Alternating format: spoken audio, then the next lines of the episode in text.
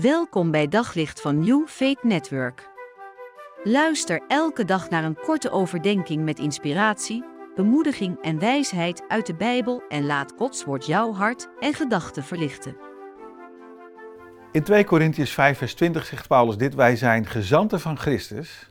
God doet door ons zijn oproep namens Christus, vragen wij u, laat u met God verzoenen.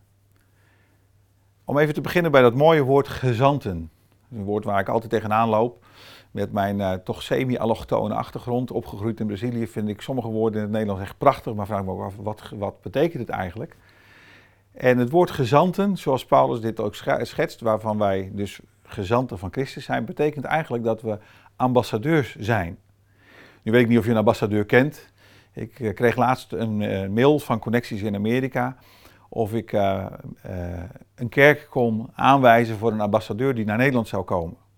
Nou, ik voelde me natuurlijk vereerd, want weet je, als, je, als je iets mag regelen voor een ambassadeur, wat eigenlijk de grootste vertegenwoordiger is van een land in het buitenland. Uh, dat, zijn, dat zijn mensen van, van invloed, dat zijn mensen die iets te zeggen hebben, dat zijn mensen met een status. Wat Paulus hier zegt is dat wij die status hebben in Christus. Wij zijn geroepen, worden uitgenodigd om ambassadeurs te zijn van het Koninkrijk van God, van het Koninkrijk van Christus, die door ons heen mensen oproept om bij Jezus te horen.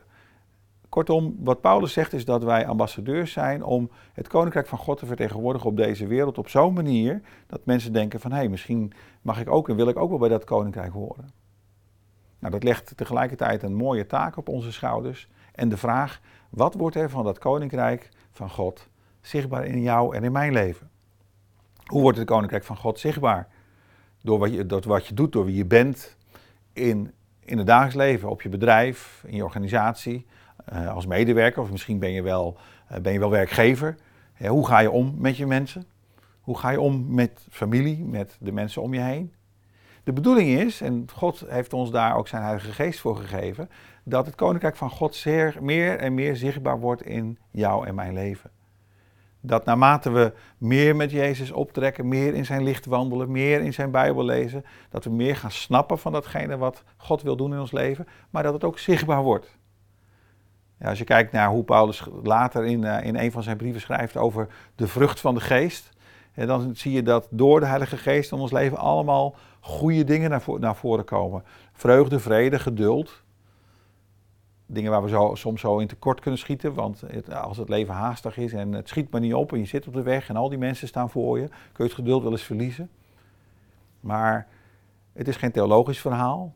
Het is ook geen prekerig verhaal. God wil zichtbaar worden door jou en mij in ons gewone leven. We zijn geroepen om, ik gebruik het mooie woord nog maar eens, gezanten van Christus te zijn. Dat is de uitdaging voor vandaag. Dat is de mooie opdracht, de mooie kans die jij en ik krijgen.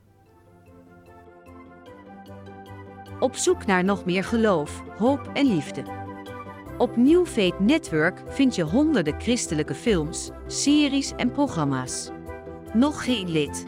Probeer het 14 dagen gratis op newfaithnetwork.nl.